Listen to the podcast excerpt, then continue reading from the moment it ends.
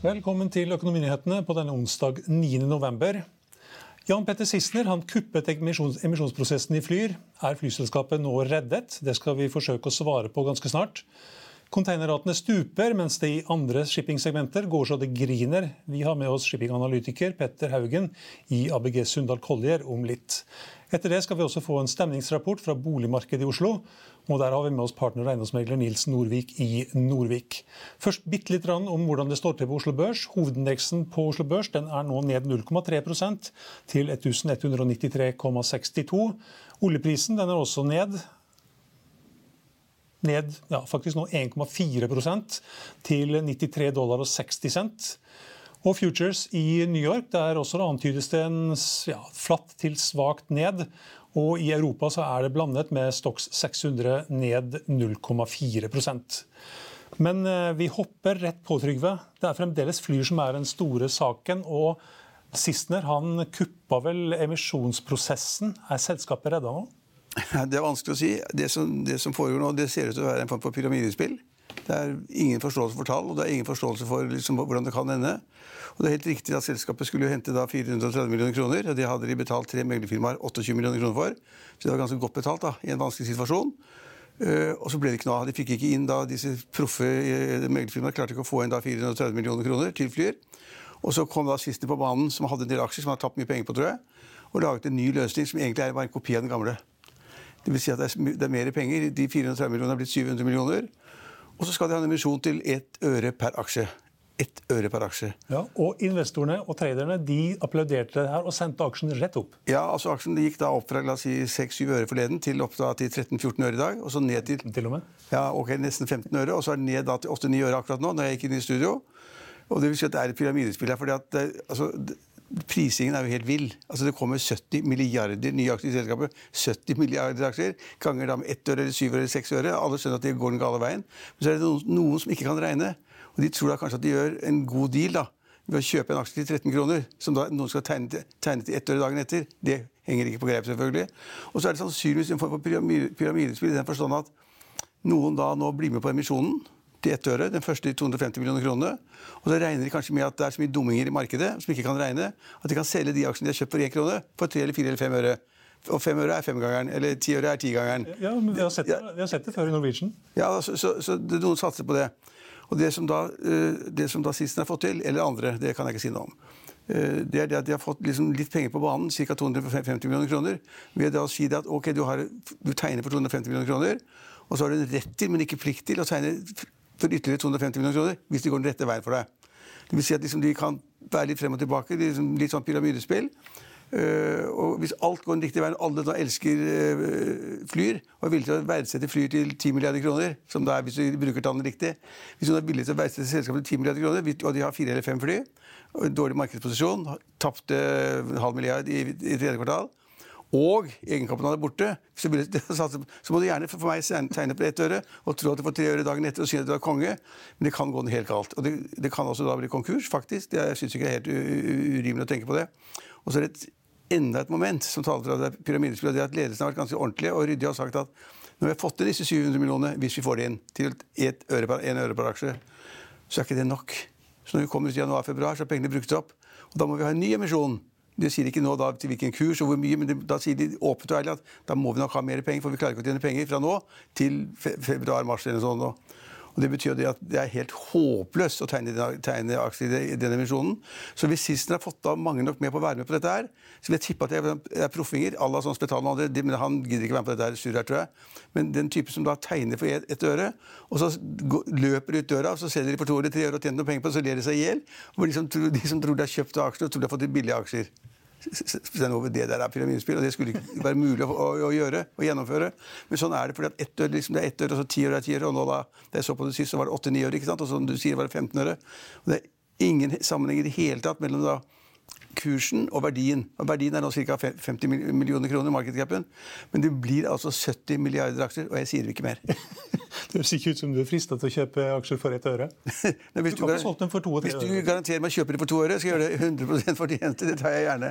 Men det er bare, jeg, vet ikke om det er mange nok uinformerte eller tør jeg nesten ikke si det, eller mange dumme der ute som tør å, å satse på det der. Jo, men Vi har sett det før, i, i f.eks. i Norwegian, da de var gjennom en sånn prosess. Ja, og det advarte vi mot ti ganger. ikke regne på Nei, Vi advarte minst ti ganger. De som trodde aksjen var billigere og billigere da den falt og falt og falt. Det var ikke noe igjen.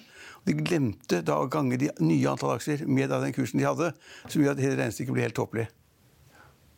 Så det er, det er en god lærepenge. Bli, jeg vil ikke si at jeg ønsker en konkurs, for jeg ikke. Ønsker at de faktisk klarer seg. De var modige som turte å sette i gang. De trodde kanskje i Flyr at det ville bli en konkurs i SAS eller Norwegian. Kanskje. Og så hentet de da inn penger og fikk Erik Bråten med hans bakgrunn i flyindustrien og familien til å bruke 100 millioner kroner på det. Og han sa da at ok, han ble spurt forleden liksom, skal du være med videre på de nye emisjonene. Da sa han det kan jeg ikke. Jeg skal være med lite grann, for jeg har sagt at jeg skal bruke 100 mil. Satt en grense på det. Det er veldig lurt å gjøre. Eh, og da har jeg bare 10 millioner igjen. Og det er mulig at han bruker de 10 millioner på den emisjonen som kommer nå. Men, og så ble han spurt om hvorfor ikke mer. Da sa han jeg har jo snakket med styret mitt. Hvem er det som sitter i styret hans? Ja, Det er vel han, det. Bare han, ja. Han er ene alene i sitt familiestyre. Jo, men Styrevedtak er styrevedtak. Styre- det styrevedtak, ja. Jeg synes litt synd på han. Akkurat nå så er det helt ellevilt med den kursutviklingen. Og det burde ikke være mulig at det skjedde, men altså, nå er det ingen kontroll i det hele tatt. Så nå kan man gå til markedet og si da det, at de skal hente 700 millioner kroner, én øre for aksje, og så går aksjen til, til, til 15 øre. Det er bare surr. Vet, vi mer- vet vi mer om, eh, om selskapet er redda i morgen? Selskapet er sannsynligvis reddet i morgen hvis de får inn de 250 millioner. De, de kan jo drive en stund med 250 millioner kroner, men de er sannsynligvis kassa er tom, sannsynligvis. Og ingen vil gi dem lån, vanlige, ordinære lån, så de er nok reddet med 250 millioner kroner. Men det renner veldig fort ut, så jeg vil tippe at de er borte i løpet av et par måneder. Og så skal de hente da de nye 250 millioner, som de har fått, noen har rett til å tegne, hvis det ser spennende ut. Da er de kanskje reddet ut januar, februar, mars eller et eller annet sånt. Og da, som jeg sa i sted, så har de ledelsen sagt at da trenger vi mer penger uansett. Så de som er så dumme nå, putter 700 millioner i, den, i, i Flyr-kassen, de må ut med 100, 200, 300 millioner til på nyåret en eller annen gang. Det, Men, men, men de som da blir med på dette her nå fra, fra da eventuelt i morgen, er ikke de på en måte litt forplikta til å være med til neste sommer? Ikke i det hele tatt. Man kunne hatt en lockup, som det heter. Man kunne sagt at okay, hvis, hvis dere kan gå inn med 250 millioner kroner til kurs 1 øre, som er så lite at liksom da, det er en gave til dere, kanskje. Kan, men da må dere binde dere til å ikke selge aksjene i løpet av tre eller seks eller ni måneder. kunne de sagt. Det hadde vært veldig smart. Men det har de ikke turt å gjøre. Eller de har gjort det, og de, og, de- og, de har ikke fått det til. Så de burde sagt at de må ha en lockup her. ellers kan da, de, de, de smarte folkene, de som da virkelig harde og proffe, de kan jo da tegne for 10 millioner kroner eh, i løpet av det døgnet som kommer nå til da ett øre per, aksje. Og så kan de da, når kursen begynner å gå, fordi folk ikke kan regne, så selger de for to eller tre øre. Det kan skje. Men, men det, det, det burde ikke kunne være mulig å skje. De burde altså hatt en sånn lockup på det, disse aksjene. Men da blir vel egentlig spørsmålet da, og kanskje kvalitetsstempelet, om det kommer en sånn lockup eller ikke? Ja, lockup er jo ikke kommet, da. Men, og, og jeg tror, Det, det kan kanskje komme i dag og til i morgen? Jeg vet ikke. nei, jeg vet ikke heller. Altså, vi, har- vi har ikke sett betingelser på det. det. Jeg tviler på at det kommer noe. Nå tror jeg det er Vill Vest. Det er Vill Vest på Oslo Børs med da Sister i hovedrollen, som pisker rundt med sånn pisk i manesjen. Og elefanten og, og elefanten og hesten løper rundt. Vi får se hvem som, hvem som er dummest her. Ja, du, får, du får sikkert mer av det sirkuset utover i morgen. De kommende dagene får vi mer av sirkus, og så vil det bli masse, et ganske interessant spørsmål. Hvem er det som tegnet? Og hvor mye har de tegnet for? 70 milliarder aksjer. Og hvis de har tegnet, hvor fort er de ute igjen? Ja. Vi vet jo de kjente aks- aks- aksjonærene som er gode, de ville vært ute og svinget dere før du ante det. Det er helt sikkert hvis de har tegnet. Men jeg tror ikke de kommer til å tegne denne gangen. Og da tenker jeg på Fredelig og Spetalen og de som er rundt han. Denne gangen tror jeg ikke de tar sjansen. Godt for dem. Takk skal du ha. Da vet jeg at du må, at du må løpe. Må løpe. Ja, vi skal eh, rulle videre. La oss i Finansavisen hjelpe deg med å holde deg oppdatert på alt som skjer i finans og næringsliv. Hver morgen er jeg, Marius Lorentzen, og aksjekommentator Karl Johan Molnes på plass i studio for å ta tempen på dagens marked i Børsmorgen. På ettermiddagen oppsummerer vi alt du trenger å vite i økonominyhetene, og så får vi selvfølgelig besøk av masse interessante gjester. Du finner oss på fa.no-tv, eller ved å søke opp Børsmorgen og Økonominyhetene der du hører på podkast.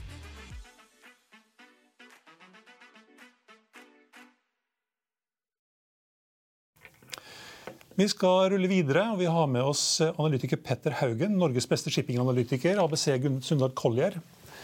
Han eh, har eh, eh, Ja, litt sur med manus. Du står midt, Du står midt, Petter, du står midt i de globale verdikjedene med dine analyser. og Hvor er det best å være akkurat nå? Akkurat nå um, Akkurat nå i høst så har vi pekt på LPG som et segment. LPG shipping. Uh, LPG, altså propan, det du, det du, har på flaskene som du bruker om sommeren når du griller. Um, det er et substitutt uh, som kan brukes veldig mange steder i stedet for veldig mye dyrere LNG. Um, og um, nå har aksjene ja, for så vidt uh, gjort, uh, gjort, noe ut av seg de siste månedene. Um, og, men der er det, uh, fra et verdsettelsesperspektiv, fortsatt uh, oppside. De er billige, aksjene. Uh, handler på ja, rundt 30% rabatt til underliggende verdi. Og så er det en fair sjanse for at vi fortsatt, til tross for at ratene nå er 100 000 dollar dagen, Eh, det er rater som på litt lange gjennomsnitt kanskje er rundt 30 000-35 000. Så nå er de tregangen av hva de vanligvis er. Men det er fortsatt oppside på de. Eh, Hva skuffer selskapene selskapene, rederiene, inn penger? Ja, da det er Avans Gass og BBLPG to, to, aksjer og to selskaper som tjener veldig gode penger. Hvor, hvor fraktes denne LPG-en? Det er to, to, hovedeksportører, Midtøsten og, og USA. Uh, Midtøsten-eksporten har uh, ja, vært forholdsvis flat i mange mange år, mens USA, som jo for så vidt er en fellesnevner i mye av, av min analyse USA er i ferd, eller er allerede blitt, netto eksportør av hydrokarboner, av, av, olje også. Så mange tenker fortsatt på USA som et land som, som får det dårligere hvis oljeprisen blir høyere. Nå er ikke det sant lenger. I 2006 så var 60% av det amerikanske oljeforbruket importert. I år har de eksportert 7% av oljeproduksjonen sin. aggregert sett. Så um, mens du i 2006 med 10 dollar høyere oljepris da, så var det 6 høyere handelsunderskudd mot uh, utlandet. Nå er det et lavere handelsunderskudd hvis oljeprisen stiger. Så, um, og i LPG-sammenheng, uh, nå er de verdens viktigste eksportør av LPG. De var en nettoimportør så sent som i 2010, tror jeg. 2009-2010. Så um, Det er en av de virkelig store underliggende endringene som uh, jeg tror kommer til å gi ja, altså Det kommer sikkert enda større konsekvenser enn de, de som du skal se i, i tankrater og andre. altså uh, Fra et litt overordnet sikkerhetspolitisk Mm, ja, politisk perspektiv så er jo et USA som, uh, som er veldig interessert i stabil uh, tilflyt av uh, fossile energier i resten av verden, nå snudd til å være egentlig insentivert for å selge, selge dyrere heller enn billigere. Mm.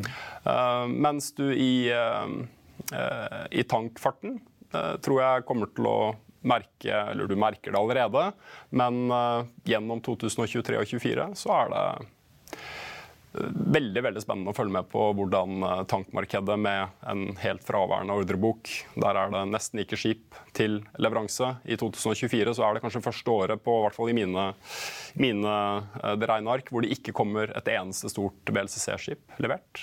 Hvor, hvor, lang tid tar det å få bestilt og få levert et nytt sånt skip? To år. Eh, vanligvis eh, mellom 22 og 26 måneder. Nå er det kanskje mer mot 26-28 eh, måneder. Da. Eh, men i utgangspunktet så er det rundt regna to år fra du bestiller til, eh, til skipet flytter. Eh, nå har det jo vært ja, nå snakka vi litt om at vi skulle innom containermarkedet her i dag. Det har jo, det har jo snudd fullstendig fra å være på vi, vi, kan komme til det, men, ja. men da på disse her store gasskipene, da. Ja. Eh, er det noe skip på vei inn i markedet? Ja. Eh, så tilbake igjen til verdsettelsen av aksjene, som, eh, som, har en tydelig rabatt.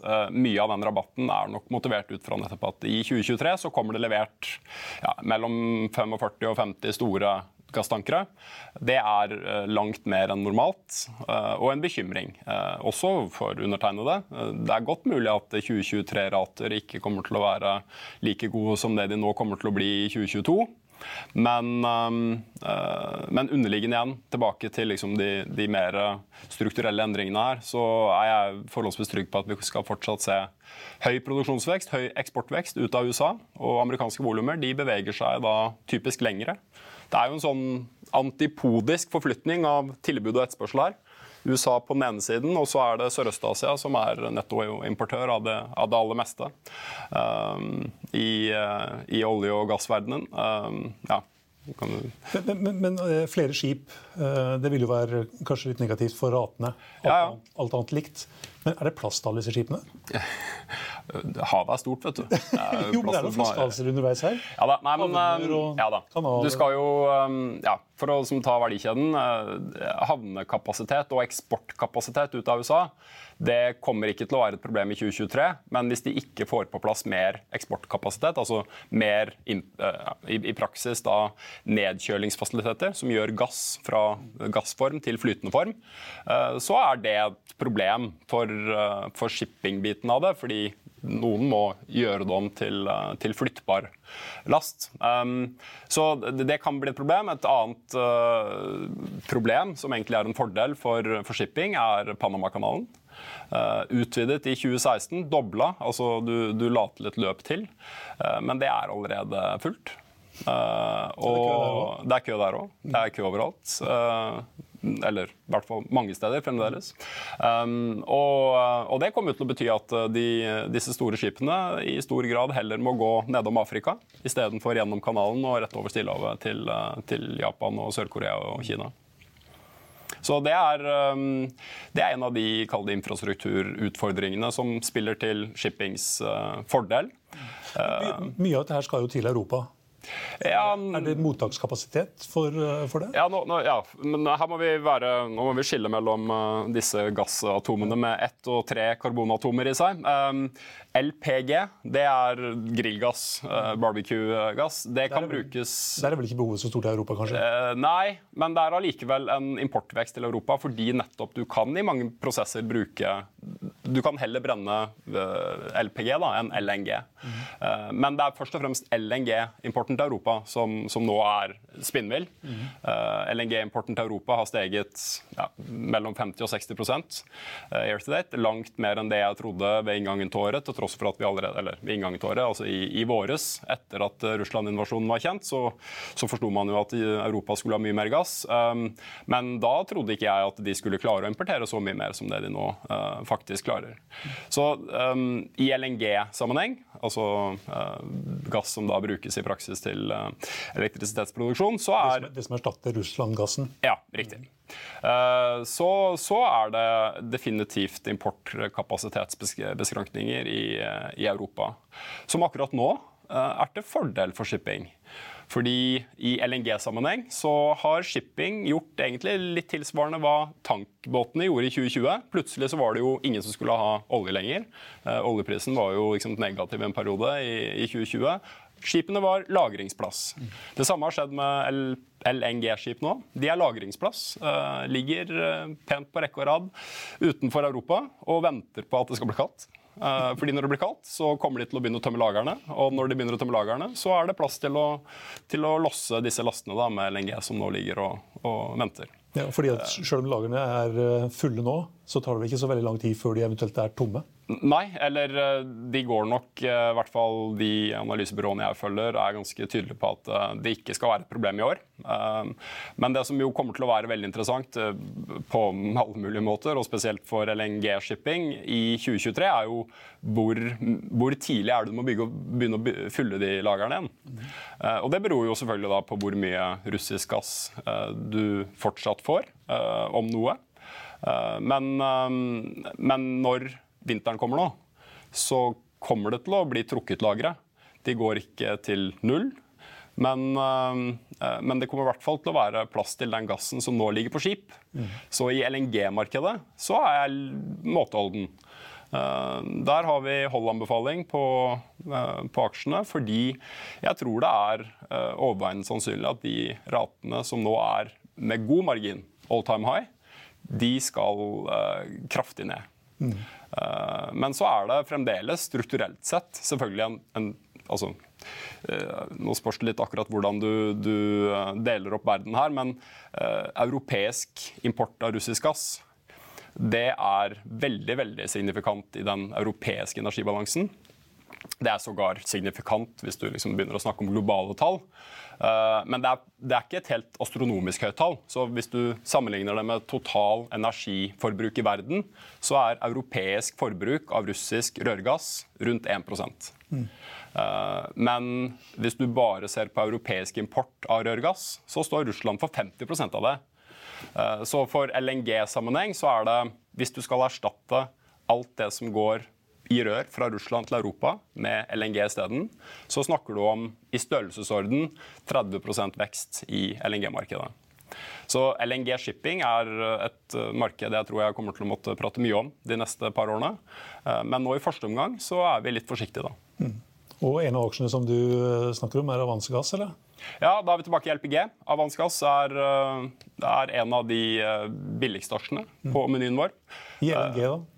I LNG så har vi to aksjer under rekning. Det er Flex LNG og Cool Company. Mm. Flex LNG har jo, uh, de har jo warpet uh, valuation-wise. Nei, altså den vanlige verdsettelsesmetodikken vår er å se hen til nettoverdien av selskapet. Så du tar alle skipene. Hva er det de er verdt på på bruktbilliste, holdt jeg på å si. Uh, og så justerer du for gjeld, og så finner du da en, en net asset value.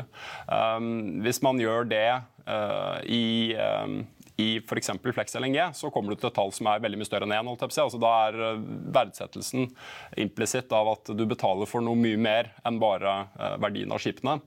Og ehm, Det er fordi der har du nå en, eh, en flåte som er på faste kontrakter i overskuelig framtid, og de betaler eh, fast dividende. Og Den dividenden har god visibilitet i mange år. Uh, og da er det kombinasjon av dividende og, og, energieksponering disse dager. Og i hvert fall energieksponering som antas og anses å være mindre problematisk. Da. Gass er vel en del av hvert en midlertidig løsning på, i en ESG-kontekst. Uh, og da er det folk som betaler ja, 8-9-10 uh, yield da, i aksjen. Så hvis du får 10 tilbake igjen, så verdsetter du nå Flex LNG på ja, 315-320 kroner. Basis den dividenden som kommer der i 23-24-25. Eh, alle de tre aksjene. Du nevnte om at eh, det var noen aksjer her som kanskje hadde nådd en topp.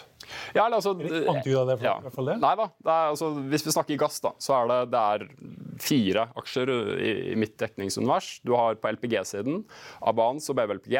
Der, har, har jeg, ja, der tror jeg det er fortsatt god oppside. I Flex og, og Flex uh, LNG og i Cool Company så har vi holdanbefalinger, fordi vi tror det er ganske fullt ut prisa. Um, og så er det, som sagt, fra et markedsanalyseperspektiv tror jeg overveiende sannsynlig at vi skal se en korreksjon i ratene. Og da er det veldig sjeldent at det skjer samtidig som at aksjene stiger voldsomt i verdi. Så i gass er det viktig å skille mellom uh, to og tre og fire karbonatomer nå. Det er de med det er de med tre og fire eh, karbonatomer i seg som vi tror, eh, tror, skal det fraktes mer av og skal, som skal være lønnsomt. Og så er det for LNG sin del nedside på ratene, i hvert fall. Og så får vi se hva aksjene gjør. Mm.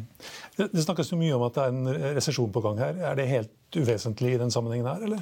Nei, er, resesjon er aldri uvesentlig. Um, men um, um, ja, hvor, hvor lang tid har vi? Alt, vi? Hvor lenge skal vi sitte her nå? Er det Nei, altså uh, For, uh, for LNG sin del så handler det i all hovedsak om, uh, om Russland, og hvordan det påvirker både uh, volumene Europa trenger, men også da implisitt hvordan all verdens LNG flytter seg.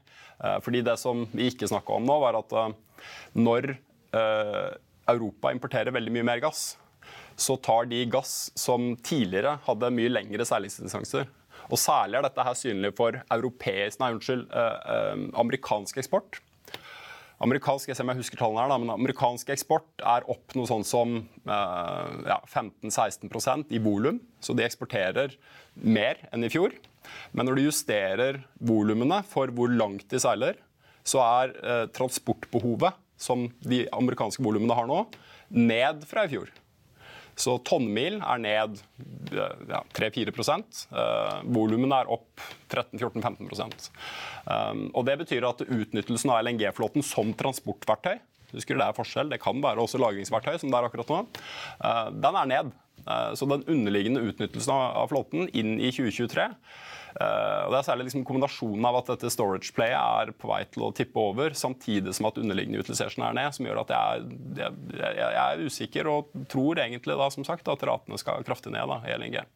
Uh, nå glemte jeg spørsmålet litt. Uh, om resesjon og ikke Om resesjon, så, så, så det, det, hvor mye Europa skal ha gass, er lite påvirket av resesjon eller ikke.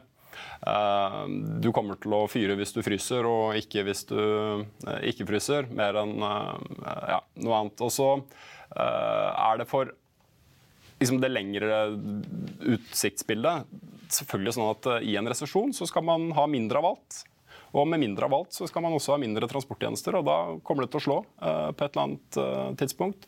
Kanskje også for LNG, men, men, LNG er kanskje det markedet hvor det er minst, tror jeg, uh, relevant i hvilken grad resesjonen blir mjuk, hard, lang eller kort.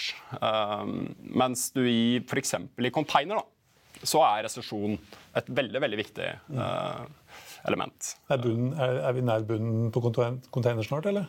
Uh, nei, Det spørs jo hvilken bunn du tenker på. 2019, men, kanskje? Uh, ja, nei, altså 2019 var jo et år hvor, container, hvor containerbalansen bedret seg igjen. Altså, Containersegmentet har, har beveget seg fra å være det segmentet i shipping hvor underliggende etterspørselsvekst har strukturelt sett vært høyest, til et, de siste fire-fem-seks årene til å være et, ja, på samme måte som mange andre segmenter. Du, du vokser 2-4% i året, kanskje. Heller enn de 6-7-8-9-10% de hadde i vekst fram til, ja, spesielt da, fram til finanskrisen. Uh, men også var det et par år med god vekst uh, etterfølgende finanskrisen. Men nå er uh, containermarkedet Eh, både påvirket av eh, akselererende flåtevekst som følge av de skipene som ble bestilt gjennom 2020-2021. Eh, de kommer riktignok ikke i stort monn helt ennå. Det er først liksom inn i andre halvår 2023 at flåteveksten akselererer. Men, men, det som har skjedd, er jo at etterspørselen er jo ned kraftig allerede. Uh, og det var uh, Det så jeg ikke komme. Jeg trodde LNG, nei, unnskyld, uh, containerratene skulle holde seg bedre i år. og men nå rapporterte altså Mersk på siste kvartalsrapport sier at volumene er ned mellom 7 og 8 hvis jeg husker rett. Og, og Q4 blir ikke bedre. Så volumene i, eh, i, container, og da spesielt de langdistansevolumene mellom ja, typisk Asia og Europa, Asia, Nord-Amerika, eh, der er eh, Altså, folk slutta jo å handle, handle på Amazon og begynte å lese rentereferater fra Fed isteden. Og da da blir det mindre, mindre hagemøbler og, og, og, gadgets på båtene. Men, men Er bildet helt entydig, eller er det, er det noe forskjell på lange og korte transporter? Uh, I container, mener ja. du? Uh, ja, altså, de globale volumene er ikke ned like mye som de langdistansevolumene. Så det er, jo, det er, jo, først og fremst uh, altså, fallet i europeisk og nordamerikansk etterspørsel mm. som har drevet ting nedover. Mens du i, i Asia så er det Eh, ja, så globale volumer er ned kanskje et par prosent. Eh, langdistansevolumene er ned 7-8 da. Eh, så de intratradene, som vi kaller de, kortere trader, de er faktisk vel litt opp, spesielt i Asia. Så det er ikke så mørkt for MPC containerships kanskje som for andre? Altså, for MPC, nå, Jeg må bare understreke at jeg har ikke dekning på MPC. Okay. Uh, men uh, sånn fra et markedsperspektiv så er det jo som jeg sa, først i 2023 at flåteveksten som følge av de bestillingene som ble gjort nå, virkelig begynner å akselerere. Så gjennom 2023, eh, andre halvår og 2024, 2024 så, så, er det vanskelig. Da, da må du være ordentlig optimistisk på etterspørselssiden for å få den balansen til å være sånn noenlunde flat. Hvis ikke så skal du ned på utnyttelse og, og prisings, uh, prisingsmakt da hos redere den faller til ja, nesten ingenting. Eh, og så er containermarkedet litt annerledes enn alle andre shippingmarkeder. fordi der har du, I praksis så er det tre store allianser som kontrollerer drøye 80% av verdens containerkapasitet. Eh, og så vet vi jo at eh, oligopoler de har en litt annen prisings mekanikk enn ordentlig fri konkurranse, hvor alle er pristagere. Så det blir spennende å se hva containeralliansene og de store konteinerrederiene klarer, klarer, å holde tilbake igjen av kapasitet. Uh, når det åpenbart kommer til å være nok containerskip. Uh, Tilsynelatende er det allerede det, det, det skjedd, men det kommer i hvert fall til å skje i 2023-2024. Mm. Vi skulle satt av mye mer tid til, eh, til det her. Men hvis du har tid? Ja, jeg har tid. Kan vi ta en liten titt på den grafen som vi får opp med Okeanis uh, Ecotankers? Oh, ja. ja. Vi ser her. Det er uh, up and to the right, er det ikke det? Nei, nei, men nei, nei, dette er ikke lang nok, ikke lang nok horisont. Uh, Hvor langt er det vi går, da? Kitron? Nei, det, da, da fikk vi ikke til det. Nei. OK. Um, men vi kan, jo, vi kan, si litt om uh, Okeanes kanskje allikevel? Ja, det kan vi. Det kan vi absolutt. Uh, da er vi tilbake til altså, En liten kjepphest jeg har, er jo da å liksom, fortelle alle jeg møter, at uh, USA er long olje. Mm. og særlig for crude-tankflåten så er det et altså, tektonisk skifte. du har verdens største importør for 10-15 år siden. Nå er USA eksportør. Eh, så i mange år så var det faktum at USA stadig produserte mer olje, en strukturell negativ for tankbalansen. Fordi det betød at det kom mindre olje fra Midtøsten og alle andre steder inn til USA.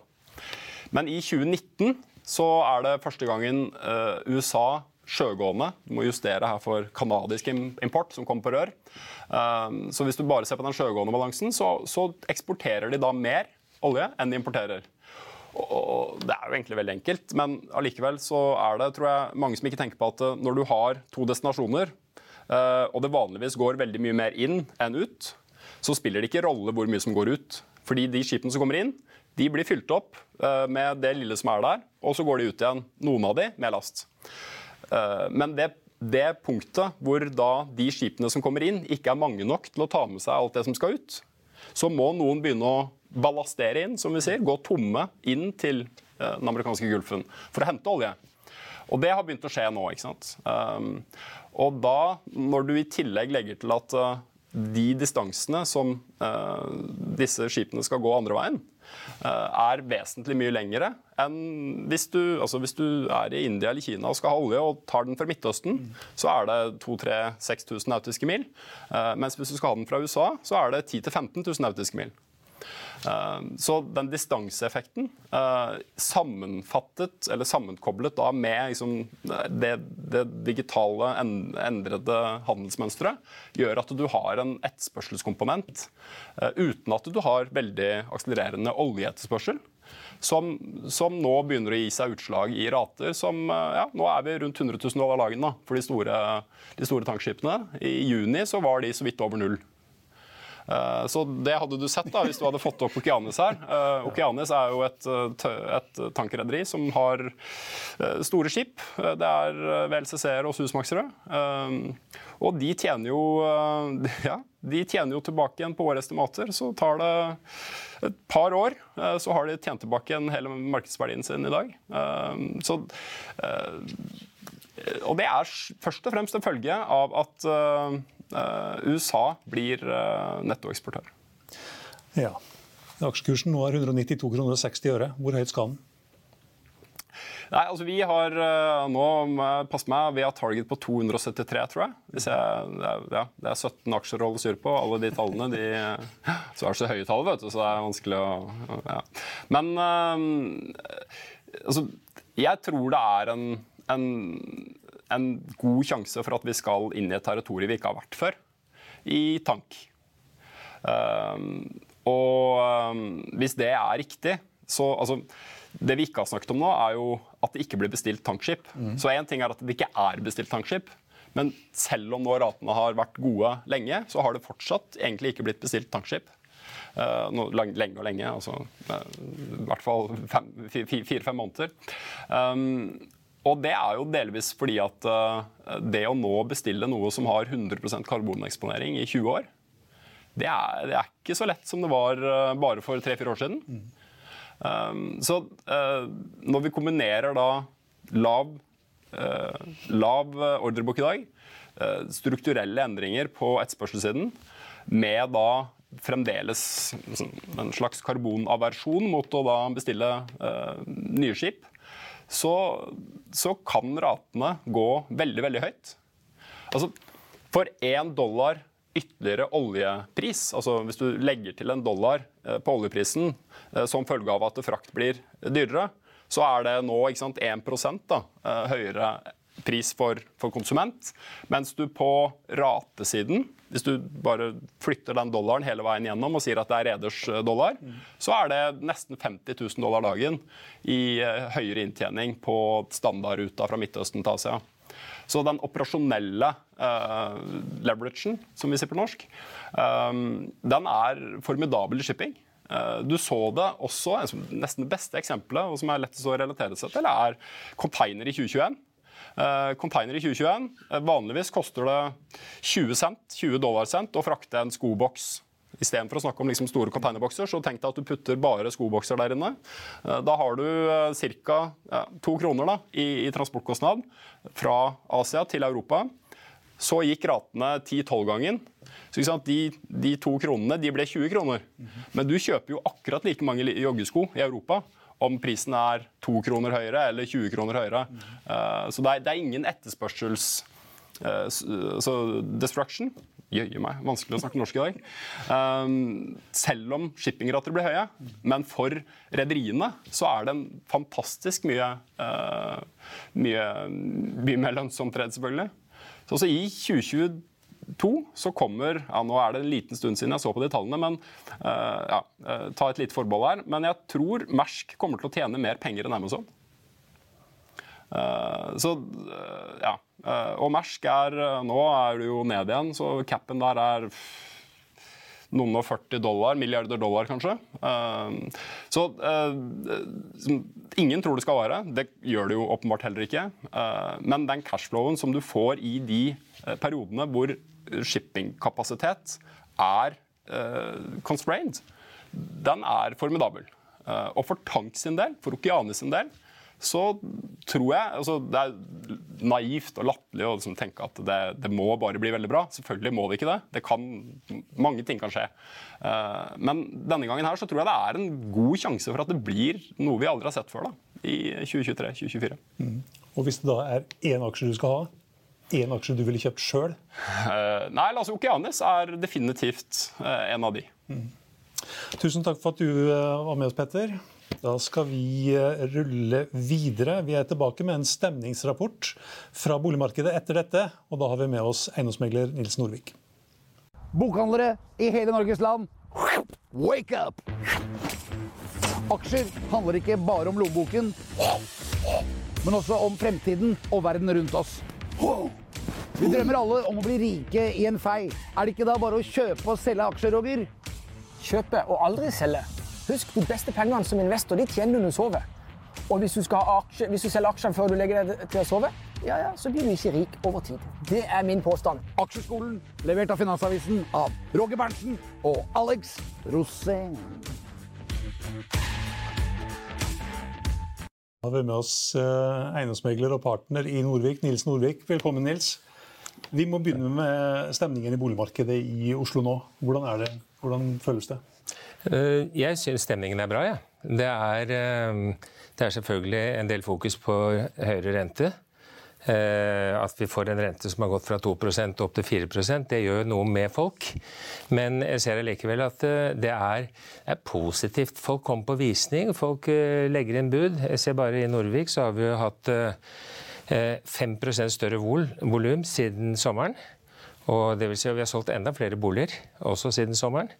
Og vi har uh, hatt en kvadratmeterpris som var i fjor, i, i 2021, på 93 000. Nå er vi oppe i 95 000 uh, i oktober nå. Og i oktober i år brukte vi to dager mindre på å selge en bolig enn oktober i fjor. Så det er klart at det, det, det vi leser i media og redselen der ute, det gjør noe med folk. Men allikevel, folk skal ha bolig. De skal flytte ifra eh, leilighet til rekkehus. To blir til tre. Og videre fra rekkehus og opp til halvpart tomannsbolig eller enebolig, før da blir tre til fire eller fem. Og det er klart at folk eh, de merker det på, eh, altså på lommeboka, men allikevel, folk er i bevegelse. Men, men de siste, eh, nå er vi jo inne i november, og det er mulig at oktober var, ikke var så ille som kanskje noen vil ha det til. Hvordan ser det ut i november? Jeg tror eh, november blir ganske greit da også. Det kan hende at vi får Det er helt naturlig nå at vi skal ha en liten reduksjon i prisene, sånn som vi så. Men eh, folk de, de selger ikke bare for å selge. De, de, tenker som så hvis ikke jeg får solgt og får den og den prisen, vel, så da venter vi, og så ser vi litt til. Da klamrer de seg fast der hvor de er. Men, men, det er vel en del uh, boligeiere som, som, du er inne på, skal flytte fra en til en annen. Det, det, er mange som har kjøpt nytt, som skal nå begynne å flytte inn i nye boliger. Ja. Og så må de selge den gamle. Ja. Men det er jo det er litt inn og ut i samme marked, altså. Dette har jeg vært gjennom for mange år siden tidligere også. I, i 07 og 08 bl.a. Og hvis, du, hvis, det ikke er for lang tid mellom eh, fra liksom du, du, kjøpte og til du skal selge, da, så er du inn og ut i samme marked. Så det, det er ikke Hvis det er litt tregere å få solgt, så er det kanskje Ja, da må du bruke litt lengre tid da, på å selge. Det er ikke noe verre enn det. Og som jeg ser nå, også, når folk byr på boliger, så byr de med overtakelse litt lenger fremover i tid. Og vi sier at det, hvis du er redd for å by, by et halvt år fremover i tid. da. Og så kanskje vi kan ha en åpning for at du kan komme inn tidligere på den leiligheten. Jeg hadde noen nå som bød på en bolig jeg hadde. Det var i 15-millionersklassen, og begge to hadde 1.6 neste år. Selger var helt klar for at ja, det er greit. Det ender opp med de overtar nå i desember allerede. For de fikk ordnet med en finansiering, alt gikk på plass, og det, det var greit allikevel. Men hvis eh, selger godtar overtakelse neste sommer, så sier vi kanskje det litt om eh, stemningen i markedet? Ja, Det var mest fordi at de skulle ha tid til å selge sin egen bolig. Mm. Og det skjønte selger også, at eh, de kommer ikke til å vente helt til juni neste sommer. Det blir jo solgt kanskje i januar-februar. ikke sant? Og og så er det litt det der at eh, folk lurer på skal vi, skal vi legge ut boliger nå før jul, eller skal vi, ta, skal vi vente? Nå er det folk som skal Nå kommer julestria og alle de tingene der. Men jeg tror julen kan være et fint uh, tidspunkt. At man legger ut boligene sine for salg også. Eller at man i hvert fall vurderer og begynner å se det. For at eh, folk har tid når de sitter hjemme i jula og ser på nettet og ser hva som rører seg der ute også. Hvordan ser det ut når vi kommer til nyttår? Hvor mye har boligprisene i Oslo falt i 2022 da? Det, jeg, tror, ikke de har falt uh, så mye. Det, vi var vel nå på en økning på var det 4% eller 5% 5,5 enn ja, så langt i år. 5,5, ja. Mm. ja. Jeg var jo uh, i fjor litt optimistisk og sa 6,5.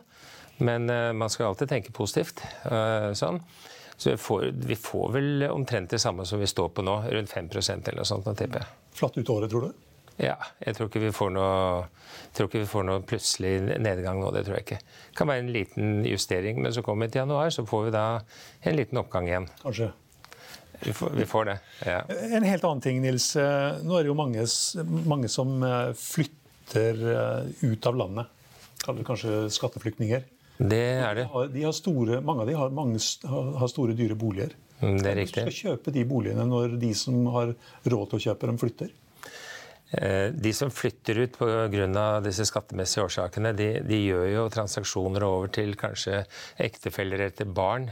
Eh, helst eh, ja, Kanskje ikke ektefelle hvis de skal ha med seg ektefellen, da. Men eh, over, til, eh, over til barna sine.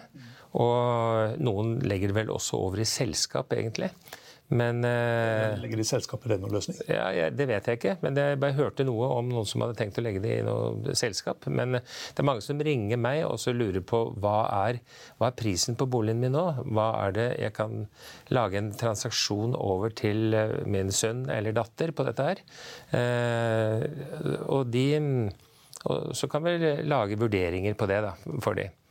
Og det er ikke noe det er ikke noe panikkartet i det hele tatt, men det er mange som lurer på dette her nå. Det er mange som, som flytter. Men vi ser jo mange av de som har flyttet, har også overført eh, eiendommer til, eh, til familiemedlemmer. Mm.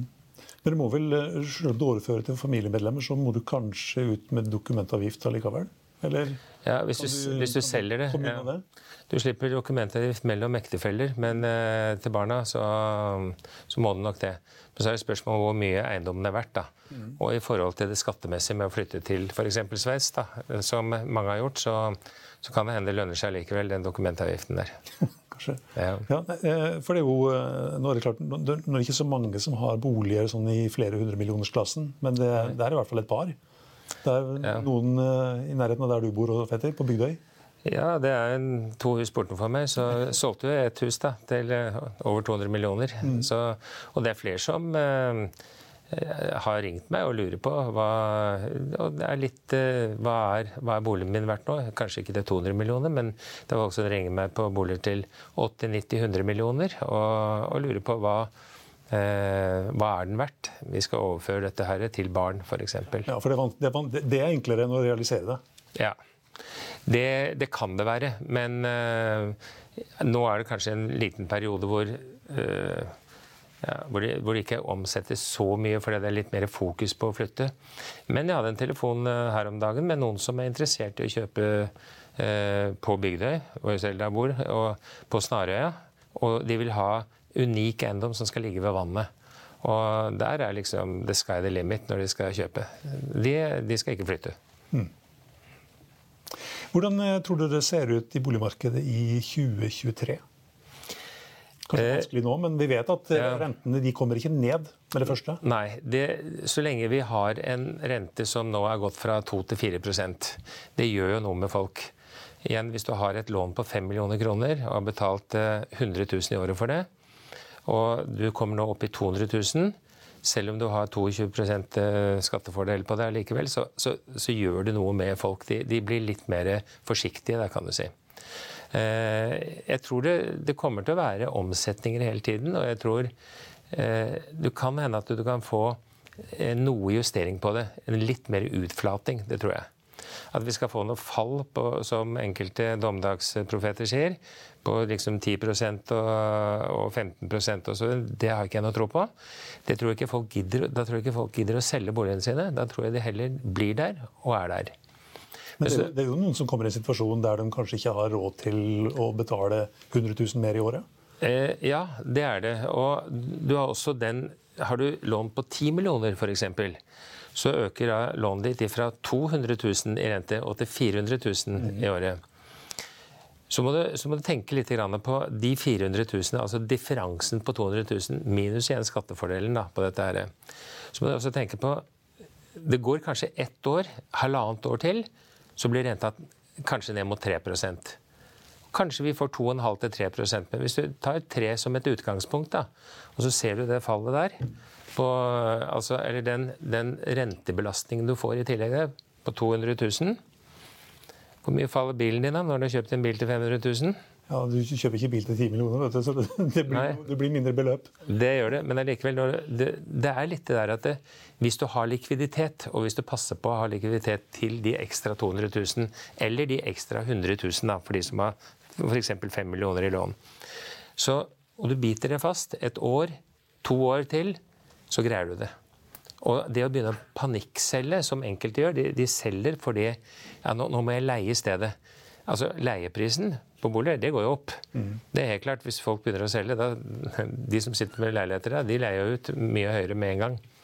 Så eh, jeg tror hvis folk har litt sånn derre ro nå og tenker eh, og ikke, ikke la seg hause opp av dommedagsprofetier eller media som skal hause opp dette her og lage sensasjoner på det, så tror jeg vi kommer oss igjennom dette her, også som vi har kommet oss igjennom finanskrisen før.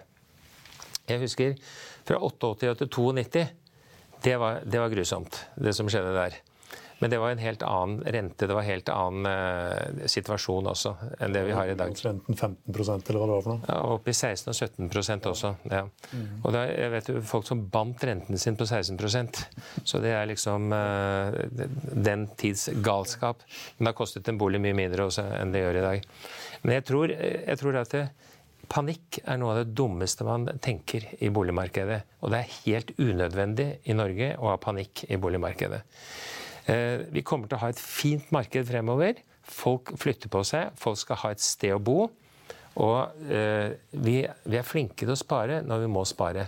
Kanskje vi skal bruke litt mindre på julegaver, kanskje vi skal bruke litt mindre på bursdagsgaver, og kanskje vi ikke reiser fire ganger i året på ferie, men kanskje vi skal reise én gang i året på ferie. Og liksom, nå må vi bare ta det, ta det, litt rolig en liten periode. Men hvis du, hvis du skal spå boligmarkedet i Oslo neste år, da, hva tenker du da? Ganske flatt. Kanskje litt opp allikevel. Okay. Kanskje litt opp, jo. For det folk eh, Dette er jo litt avhengig av alt fra mm, hva som skjer i rentemarkedet, selvfølgelig. Men hvis det er signaler på at renten skal ned, og hvis det er eh, liksom Og det viser seg at vi, vi bruker mindre Vi er mer nøkterne. Så vil det føre til at vi får videre litt oppsving igjen. Det gjør det. Og det er ikke nok boliger i Oslo. Og det blir ikke bygget så mye heller. Og det er eh, Alle vil bo i Oslo. Ikke alle, da. Men mange vil bo i Oslo. Takk skal du ha, Nils. Da skal vi rulle videre. Eh, tar eh, en liten titt på det som skjer i markedet. Kan vi begynne med hovedindeksen på Oslo Børs, som er ned 0,3% nå til 1193,63. Eh, Og ja, oljeprisen den har faktisk tatt seg litt inn igjen. Den var jo nede ja, over 1,4% i sted. Nå er den ned 0,5% til 94,49. Ta en liten titt på hvordan det ser ut på børsen i Europa. Her er det omtrent sånn som det var da vi starta. Stokk 600 ned 0,45 Så har vi uh, liten oppgang i Milano på 0,04% 0,25% opp i Madrid. I Paris er det ned 0,35% I uh, Frankfurt ned 0,5 og i London er det ned 0,2 Futures på børsene i New York her ligger det nå an til en oppgang. Nasdaq ser ut til å kunne åpne opp 0,5% SMP 500 opp 0,6 og Dow Jones opp 1 I Finansavisen i morgen kan du lese Trygve Egners leder om Märtha Louises avstand til kongehuset nå er blitt stor nok. Om gründernes julegave som ble tryllet bort, og om en skikkelig kule i produkttankmarkedet. Det var det vi hadde for i dag. Mitt navn er Stein Ove Haugen. Takk for at du så eller hørte på. Vi er tilbake igjen i morgen klokken 8.55 med Børsmorgen og med Økonominyhetene klokken 14.30. Håper at du er med oss igjen da også. I mellomtiden får du alltid siste nytt minutt for minutt på finansavisen.no.